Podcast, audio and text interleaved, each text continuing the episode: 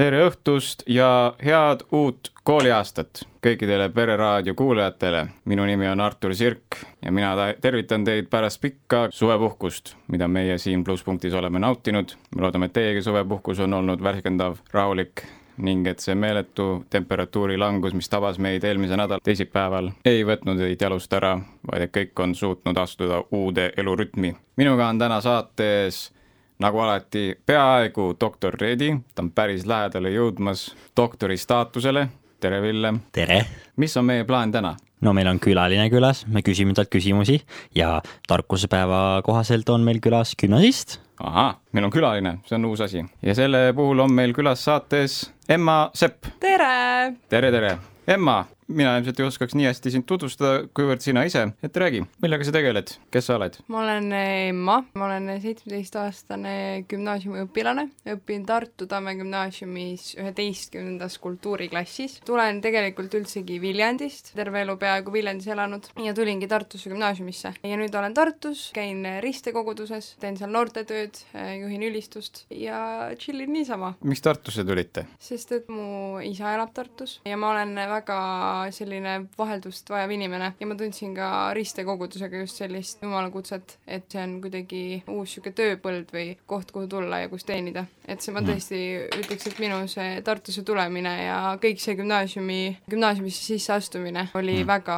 Jumala poolt juhitud ja see, et ma lõpetasin Tartus, oli kindlasti Jumala plaan ja see on olnud väga-väga hea. ehk siis kogu elu kasvanud üles Viljandil ja nüüd jõudnud Tartusse kuidagiviisi. räägi, milline sinu elu Viljandis oli? Armas, ma elasin oma ema ja ema perega Viljandis, mul on kokku, on meid peres siis kuus last aga kuna meil on niisugune tore kärgpere, siis kõik on igal pool laiali. mul siis Viljandis on üks väiksem vend ja üks väiksem õde, kes on väga vahvad ja käisin koolis, käisin muusikakoolis, õppisin tšellot, laulmist, natuke klaverit, üldse kogu pere on mul muusikud, ehk siis kui ma peaks ennast kuidagi kuskile kategooriasse panema, siis ma arvan, et selline muusika, muusikaharrastaja ja muusikaarmastaja. kui tore väga äge. ehk siis su pere ei olnud kristlik pere? ei ole kristlik, aga samas ei tea ka sellega on nagu selline, et mu ema mees on siis luteri kirikust ja ma ise tegelikult olen ka lapsena luteri kirikus päris palju käinud ja väiksena sain seal ka, ma arvan, et mingi viie või kuueaastaselt luteri kirikus ristitud ja ma ütleks, et ema mees on meie pere usuelu väga palju rikastanud hmm. ja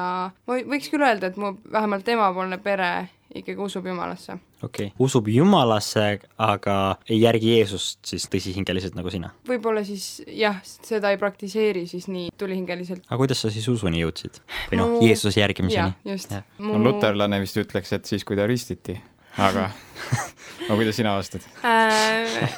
et eks ma väiksena käisingi luteri kirikus ja nagu mul on igasugune respekt, mulle väga meeldib siiani käia luteri kirikus ja mina nagu arvan, et me oleme üks Kristuse ihu ja see, et me nagu natuke teeme mingeid asju erinevalt, lõpuks ei ole nagu tohutu takistus, aga siis mingi aeg ma ka ei uskunud või kuidagi mul oli mingi trots võib-olla selle vastu, sest et ma isegi ei tea, miks seda mulle rohkem mu vanemad rääkinud, et ma mingi aeg tohutult ajasin mingit sellist usuvastast juttu mm. -hmm. aga siis üks hetk mu klassikaaslane, mul oli väga suur õnnistus olla koos kahe tüdrukuga, meil oli põhikoolis kolm kristlast äh, klassis ja lõpuks ka neli kristlast, üks siis tüdruk sai veel päästetud, et see oli väga võimas, neljakesi koos äh, samas klassis käia. ja üks siis mu sõbrannadest kutsus mind Viljandi baptisti koguduse noortekale ja siis seal ma hakkasin käima, alguses käisin rohkem inimeste pärast, aga siis mingi hetk see kuidagi nägin seda armastust, mis neis on ja ma mõtlesin, et kust see tuleb. siis kohtusin ise ka Jeesusega ja sain mhm. äh, puudutatud ja mm. siis sai selline isiklik nagu usutee alguse mm.. millal see oli? see oli, ma arvan, et ma olin seitsmes klass, ma sain ristitud,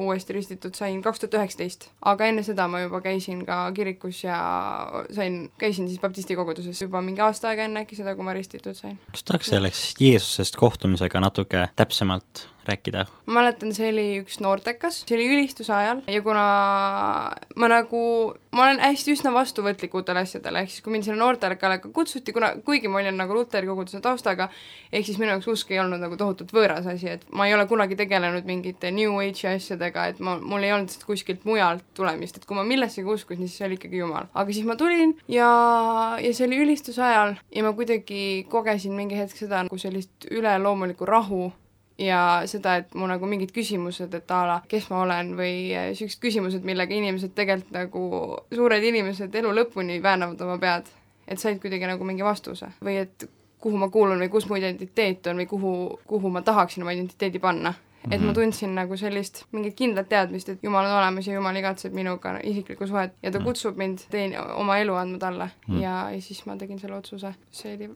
-hmm. väga hea otsus mis oli kõige tähtsam asi, mis muutus sinu elus või mõtlemises selle järel? ma arvan, et selline armastus teiste inimeste vastu mm., sest ma olin ikkagi üsna niisugune tavaline tiinekas, ma nagu ropendasin ja vahepeal käisin mingitel pidudel ja et oli nagu niisugune noh, ma elasin täiesti tavalise noore elu, suhtlesin inimestega, kes mulle tundisid ägedad ja et olla ise mm. äge ja aga ma arvan, et jah, selline armastus, et kuidagi selline arusaamine, et Jumal mhm. tegelikult on nagu kõiki meid loonud ja kõik mm. me nagu väärime seda teadmist ja just ka see, et jagada evangeeliumi, ma hakkasin seda nagu tegema nii palju, kui siis selleks tuli võimalusi, mis oli päris tore, sest et ikkagi näha seda, et sa võid olla ainuke inimene kellegi elus, kes, kellelt keegi üldse kunagi kuuleb seda head sõnumit, et siis see oli mis sind usus hoidis, sest on väga palju noori, kes tulevad usule ka seal seitse kuni üheksas klass, siis eriti gümnaasiumisse minnes mm, -hmm. eriti teise linna kolides. Mm, -hmm. kõik on täiesti uus, see õppesüsteem on uus, kool on uus, inimesed on uued mm, -hmm. linn on uus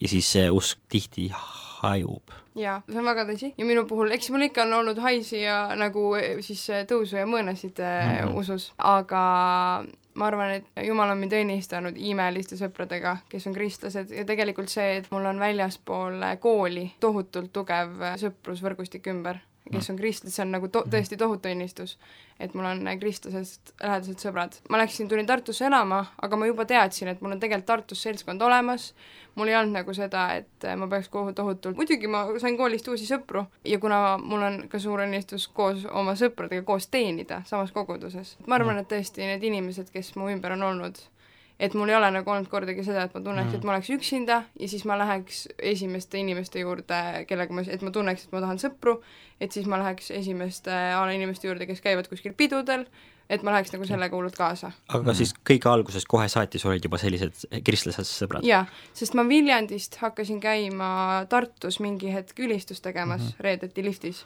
mm.. lift on siis äh, Tartu ristikoguduse noortetöö ja siis sealt ma sain juba omale nagu need sõbrad. ehk siis põhimõtteliselt see, et sul olid siin Tartu sees sõbrad, jumal siis kasutas neid, et hoida sind jaa, igal juhul, jaa.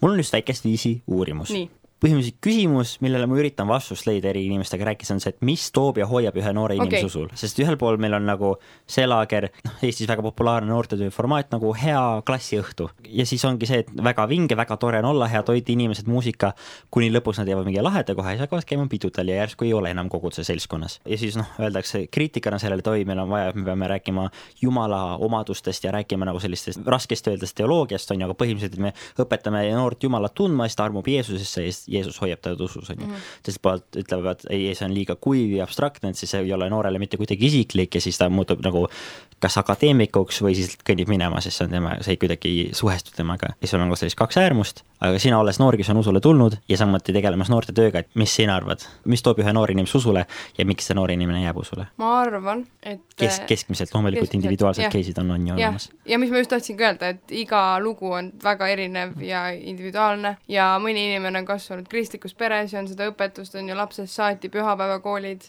äh, mõnel on mingi tohutu elu keerdkäigud ja siis järsku nad on kuskilt kuidagi tulnud, leidnud Jeesuse aga ma ikkagi lõpuks arvan, tehes ka noortetööd ja rääkides tegelikult neile kogu aeg Jumalast ja rääkides, üritades neile seda sõnumit nii palju anda kui võimalik, ma ikkagi näen lõpuks seda, et kui seal ei ole seda Jumala puudutust, siis see jutt lihtsalt neil läheb ühest kõrvast sisse, teisest kõrvast välja. no kus seda osta saab siis, seda Jumala puudutust?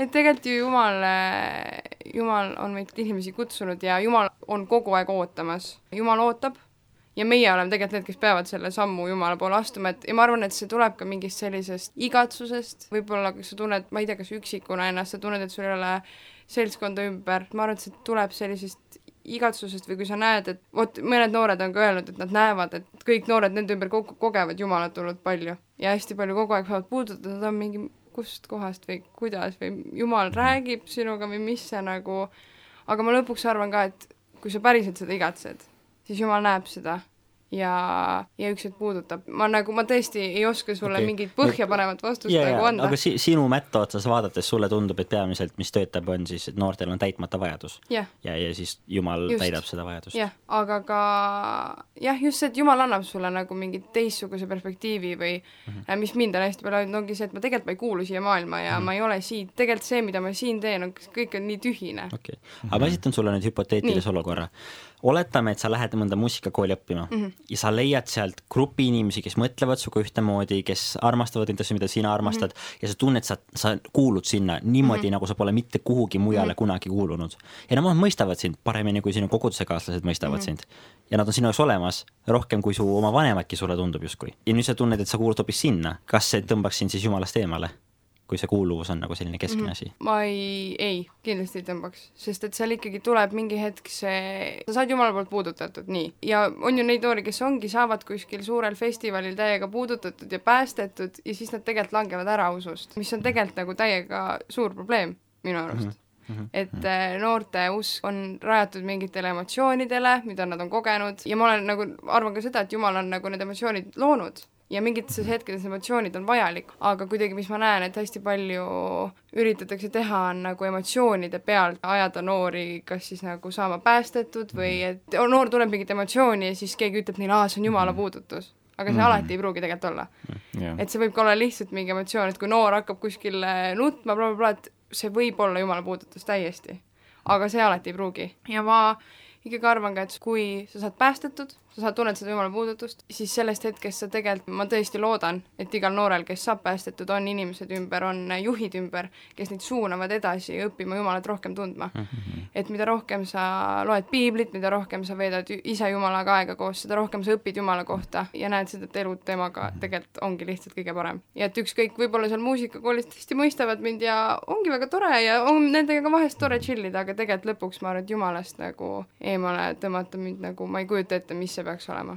seal on ka see, et on ju, sa kirjeldasid, et on mingeid noori, kes võib-olla ja sul ongi see mingi üritus korraldatud, mingi mm, -hmm. ma ei tea, suur konverents või äh, ülistusõhtu, mis iganes, saad selle suure emotsionaalse kogemuse, mis ma vähemalt olen tähele pannud, on see, et või see viga, mis tehakse, on see, et kohe minnakse selle inimese juurde, öeldakse, et aa ah,, sa oled kristlane nüüd, sa oled nüüd sees. et nagu sa ei pannud isegi tähele otseselt midagi nagu võib-olla ei juhtunudki, aga vot näed, nüüd sa oled osa kirikus, nüüd sa oled osa nagu kristlaskonnas mm, -hmm. siis on nagu, mis, see oligi see siis või? kuigi ei ole nagu üldse mingisugust nagu mõtlemist või nagu mõistmist selle osas, et mis üldse tähendab olla kristlane või olla osa kirikust ja seal selles mõttes on tähtsus, äh, nüüd ma toon sisse võib-olla luterliku või katoliikliku sellise lähenemise, et inimene on osa kirikust siis, kui ta on kinnitatud kiriku liikmeks. siis enne seda on ju teda äh, õpetatakse, teda juhendatakse, et mis üldse on kristlik usk ja nii edasi, ja siis, kui ta ütleb nagu, et voh, okei okay,, nüüd ma saan aru, see on kristlik usk, kas usud seda? jah, davai, käed mm -hmm. peale, saa nüüd osa kirikust, ristitakse ära ka ja kõik puhul, on ju. et see osa näitab, et see püsivus mingil määral eeldab seda, et sul on selge arusaam sellest, et kes sa üldse oled siis kristlasena mm, -hmm. mida see endast üldse kujutab mhm. selle kriitikana saab välja jälle tuua, et kui sa ema kirjeldatud olukorras sul nagu pole mitte ühtegi tõket, sa lihtsalt oled kristlane ja vau wow,, on ju, nagu sa ütlesid, et siis on kuidagi liiga märkamatult see aga teistpidi, kui sa paned nagu sellise konkreetse värava ette ja aia, millest tuleb läbi kõndida, enne kui sa saad kuuluda osa kristlastest, siis kui tõesti ema jutt kehtib ja noor, keskmine noor tuleb usule, siis ta tunneb mingi vajadus tema seest on täidetud, siis põhimõtteliselt sa tekitad juba väsinud, elust räsitud noorele katkise perega potentsiaalselt terve hu hunniku asju, mida ta peab tegema, et ta lihtsalt saaks kuhugi kuuluda. seal, kus tema tahaks lihtsalt kuuluda ja puhata ja olla teretulnud tu, tuues nagu teist poolt ka sisse. minu meelest isegi mittekristlane selles võib mingil määral kuuluda kristlaste seltskonda.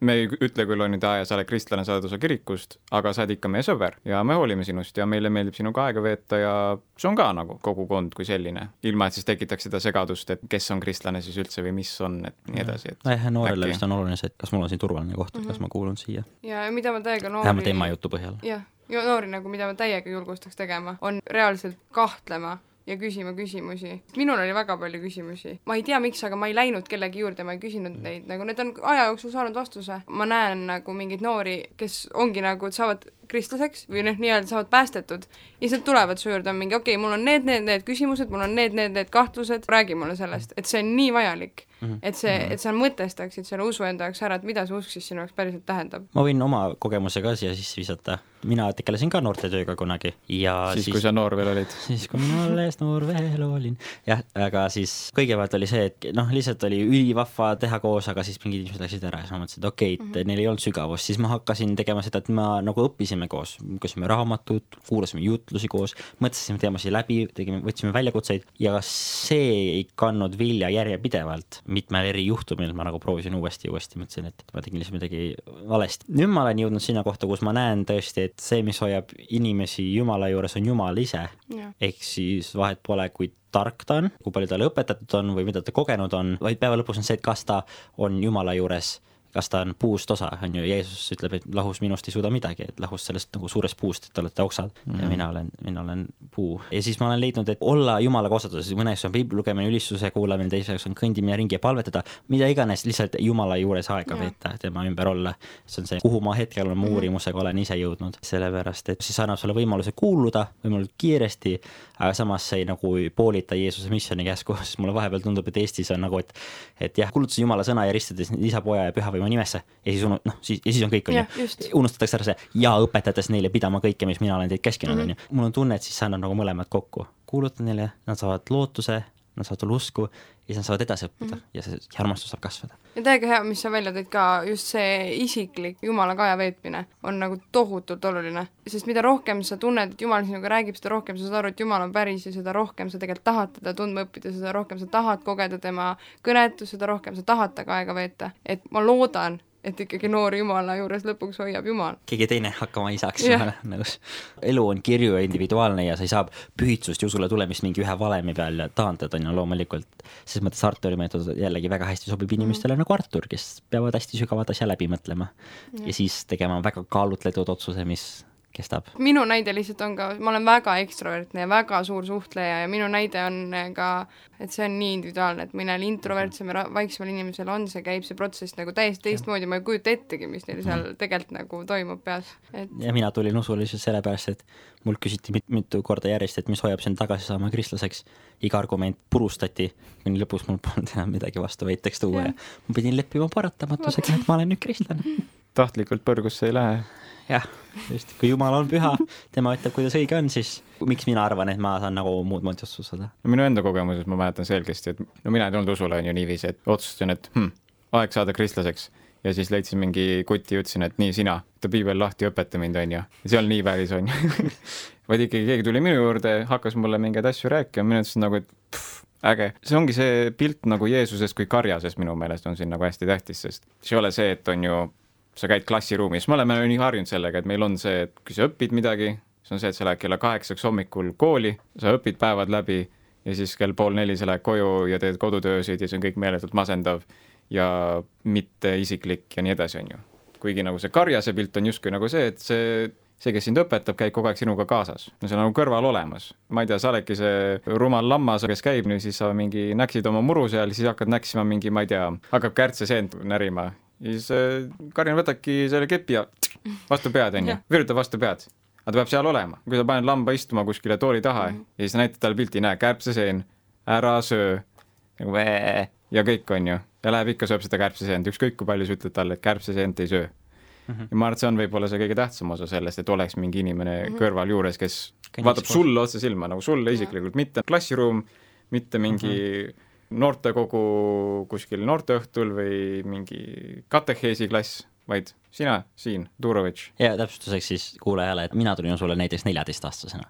ma olin ka mittekristlikust perest. ma olin vist ka neliteist, ma ei mäleta täpselt. aga Emma, sa oled aastaid käinud äh, baptisti kirikus, et kas sa igatsed ka midagi luteri kiriku osas? mis mulle tohutult meeldib luteri kiriku ja katoliku kiriku osas, on see, et baptisti koguduse teenistused tihtipeale on nagu siuksed, et sa tuled, sul on seal sõbrad, et ta on veits siuke nagu sotsiaalne üritus.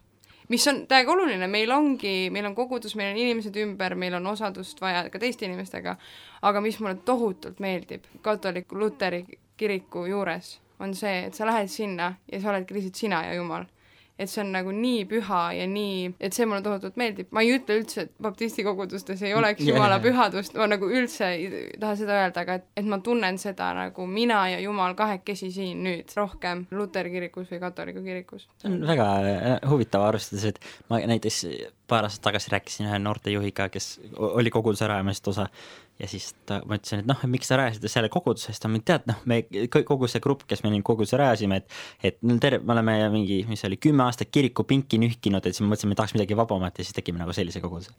see on, siis nüüd tulevad nagu neist veel järgmine generatsioon nooremad ja nagu palun kirikupinki nühimist et mis ma nagu näen, et kui ma tulin baptisti kirikusse yeah., siis mul tegelikult tekkis kuidagi luteri kiriku vastu mingi sihuke trots mm. või selline, et ma olin mingi, et aga nagu noh, mida nad ka teavad või sihuke mm, -hmm. sest baptisti kogudusel lihtsalt käivad asjad nii palju teistmoodi mm, -hmm. et mul tekkis see, aga õnneks mu emamees, kes on luteri kirikus mm, -hmm. pani mulle mõistuse pähe ja oli mingi sina tüdruk, mida sa haugud et tegelikult me oleme kõik üks suur Kristuse ihu, pann on pann, üks vaatab panni ühelt poolt, teine teiselt poolt, aga lõpuks ma, ma ikkagi näen, et me oleme üks Kristuse ihu ja see, et miks siis näiteks, et kui baptistid näevad, et luterlased või katoliiklased teevad mingeid asju nii-öelda siis valesti aga miks nagu meie arvame, et me õigesti teeme või erinevad täpselt, inimesed, erinevad kogudused. jah mm., et erinevatel inimestel lõpuks sobi-, sobivadki esi-, erinevad asjad lihtsalt. aga siinkohal teeme väikese pausi ja oleme varsti jälle teiega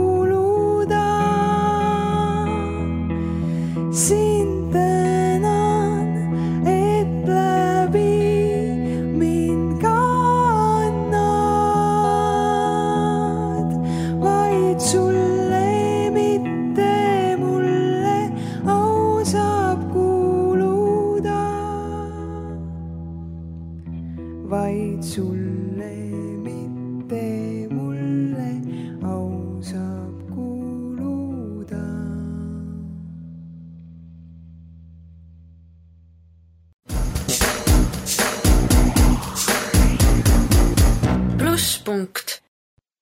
tere tulemast tagasi, armas Pereraadio kuulaja.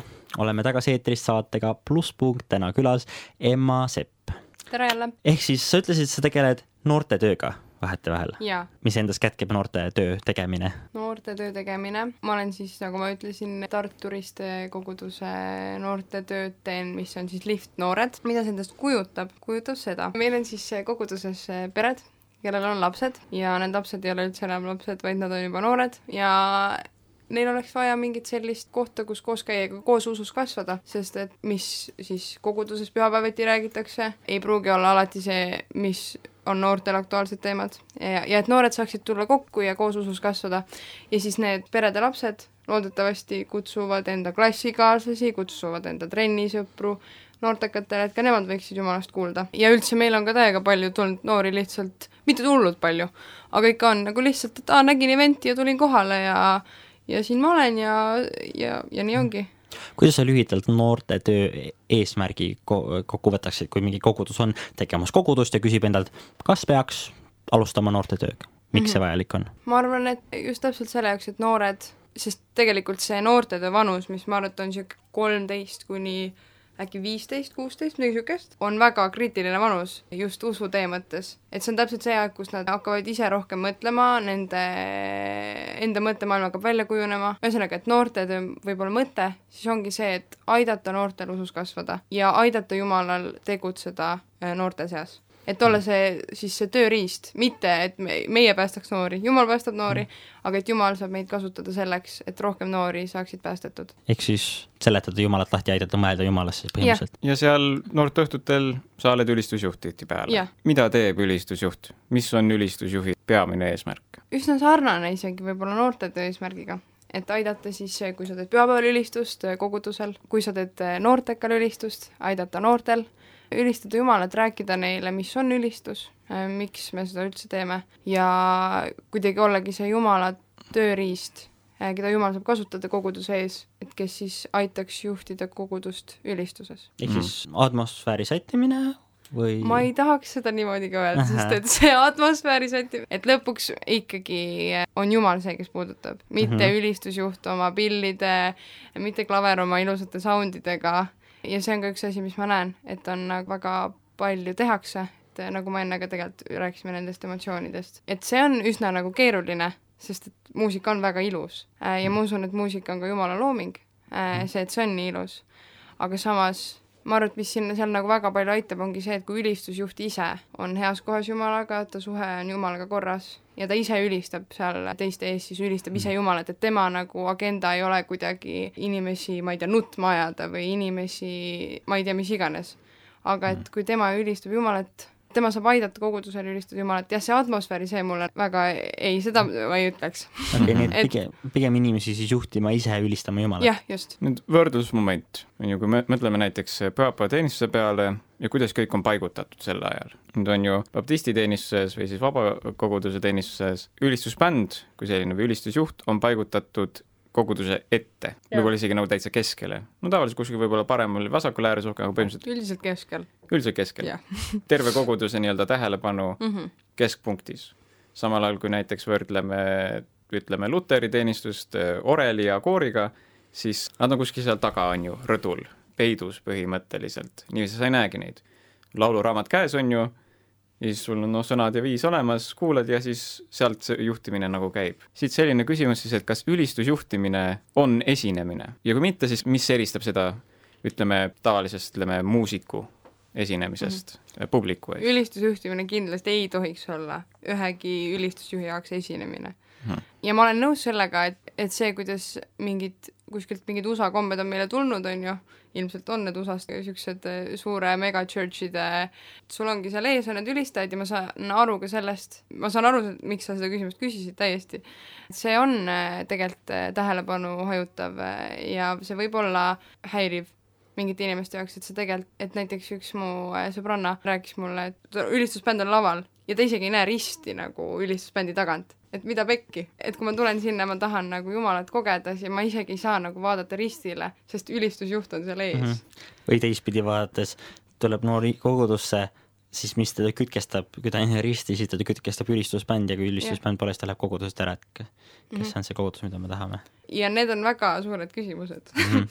ja väga huvitav torge. on tõesti, et ma olen, ma saan aru, kust see torge tuli täiesti, aga et ma näen, et mis seal kõige parem lihtsalt ongi see, kui see ülistusjuht ise ülistab päriselt Jumalat mm, -hmm. et tema ei taha kuidagi mingit emotsiooni inimestes tekitada mm, -hmm. vaid et kui tema läheb sinna lava peal Jumalat ülistama, ja tõesti vaimus juhib seda ülistust, vaja, siis palvetab, kui ta tunneb, et see on midagi, mida mhm. tegema peaks ja võib-olla ütleb kogudusele midagi, sest tegelikult mm -hmm. Jumal saab ülistusjuhti kasutada mm -hmm. ka mingi prohveteerimises, sellistes asjades, vähemalt mina Kuigi, arvan nii. jah, selles mõttes ma saan aru, et see torge oli ennekõike vabakiriklikele teenistustele suunatud, aga ma mõtlen, et kui palju inimesed tegelikult mõtlevad selle peale, et hmm, kuhu me paigutame millised, ennekõike ju tehakse, sest et nii on alati tehtud.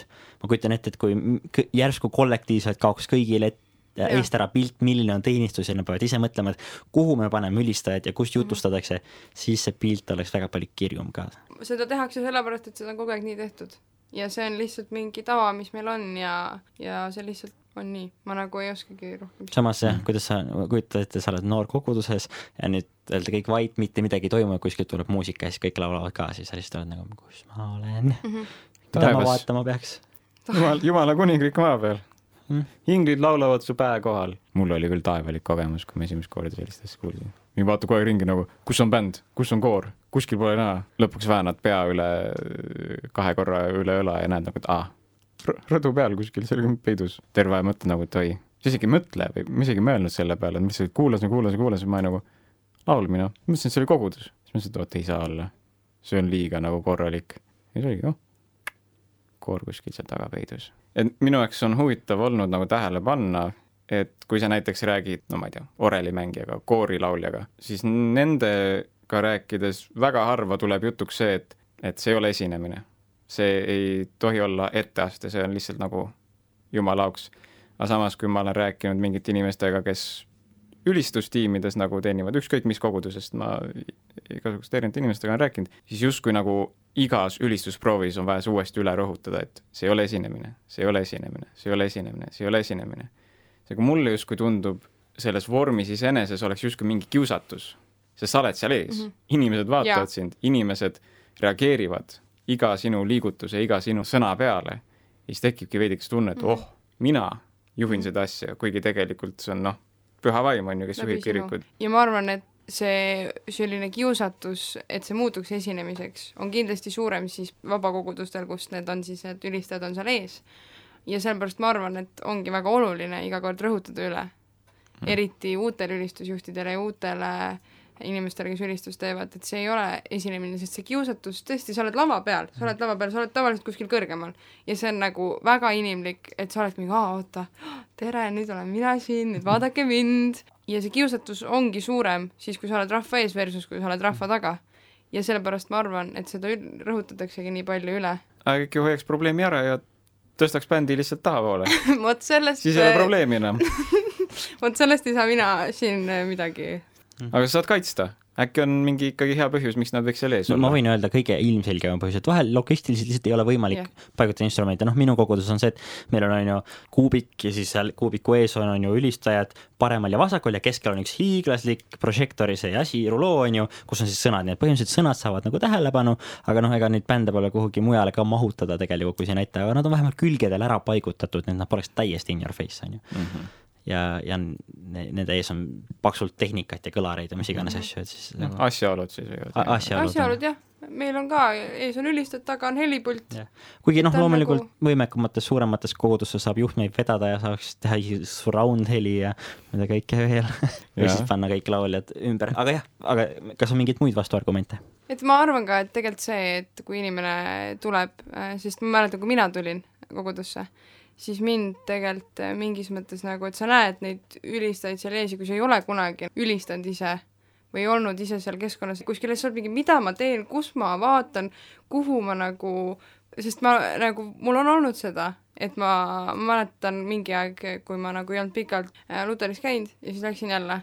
Siis ma olin mingi, oota, kuidas see käis, oota, ma vaatan seda, aga veits on nagu awkward, veits on nagu sihuke, et noh, sa ei oska nagu kuidagi olla aga ma ütleks, et tegelikult ka nagu Mhm. see, et need inimesed on seal ees, sa tegelikult tunned ennast nagu mugavamalt seal olles. veits, et potti segada ja keerutada ringi seda suppi siin, siis sellele saab vastu öelda seda, et inimesed tänapäeval, noored vähemalt, ei ole Mhm. eriti mugavad vait olema ja enda sisse vaatama üldiselt, äkki ärevuse mõtted tulevad või mis iganes muud asjad, et see võib-olla on just hea, kui ta on sunnitud äh, olema nagu paigal Mhm. ja kes paneb mi- minemagi nüüd enda sisse ja mõtlema, kuidas ma nende sõnadega suhestun, mis ma siin üldse arvan ja et ta seest jääks nagu vait. see võib ka olla täiega tõsi ja ma tegelikult, ma ei oska nagu mingit põhja panevat, ma ei üld, üld, nagu ma ütleks, et mõlemal pool on plussid, miinused. ja, ja ma üldse ei ütle, et see, et ülistada lava ees on sada protsenti õige nii peabki olema. aga näiteks ma käisin äh, BLL-i laagris ülistust juhtimas nüüd eelmine suvi ja see oli hullult lahe, sest ülistusbänd oligi kogu noorte taga ja ette tulidki ainult sõnad. seal oli ekraan sõnadega ja siis seal oligi rist et see oli nagu väga-väga äge. tegelikult saab ka niimoodi, aga lihtsalt ma arvan, et mingeid asju ma tõesti ei oska siin, sest lihtsalt kui sa tuled kogudusse, siis äh, sa teed asju nii, nagu seal tehakse. lõpuks on ka nagu see ja seda ma kindlasti ei ütleks, mitte et te oleksite öelnud ka, lihtsalt osad väga tulihingeliselt selle selja tagant ülistamise pooldajad ongi mingi, et, et jumal ei saa seal nagu liikuda, et see ei ole üldse nagu et seda ma ikkagi, et jumal nagu ei puuduta, et see on kõik mingi sihuke show blablabla bla,, et seal on väga palju seda show osa ka, mis ei ole hea alati mm, -hmm. aga ikkagi ma arvan ka, et jumal väga tegutseb ka mm -hmm. nendes kogudustes, kus siis ülistajad on siis seal rahva ees mm. -hmm. et jumal saab liikuda, jumal saab puudutada igal juhul mm. -hmm. ehk siis eelis on see, et kerg-, saab kergemini juhatada kogudust ülistama. jah, et kui selja taga on, siis noh, sa pead mingil määral kujutlusvõime kasutama ja palju rohkem mõtlema. pluss see annab sulle natuke võib-olla uustulijana selgust, et mi-, mis sa endaga peale hakkama, peaks. ja nüüd mul on ka hea meel, et mul on leidnud uue nimetuse sellele oma ülistusstiilile, et mina olen selja tagant ülistaja. mulle sobib, mulle sobib. kas sa tahaksid lõpetuseks mingi loo rääkida, on sul mingi ma ei tea, noortetööst mingisugune vahva tunnistus või mingi väga naljakas lugu seoses ülistusjuhtimisega või? üks lugu, mis mul kohe meelde tuli, meil on noored kutid noortetöös, kes väga tihti siis äh, näiteks noorte õhtutel mingi jutluse ajal, noh, ma ei tea, on telos, teevad omavahel juttu, ma saan nagu aru ka, nagu alati mingi tee ja küpsise õhtud, usu, meil liftis ütleme usuõhtud, kõik on mingi ei, lihtsalt nagu noored on lihtsalt nagu usuõhtule pean tulema jälle et see on nagu, et ma saan aru, et noortel on mingis mõttes ongi see, et nad näevad nagu noori oma sõpru korra nädalas, tahavad nagu, ma saan sellest täiega aru.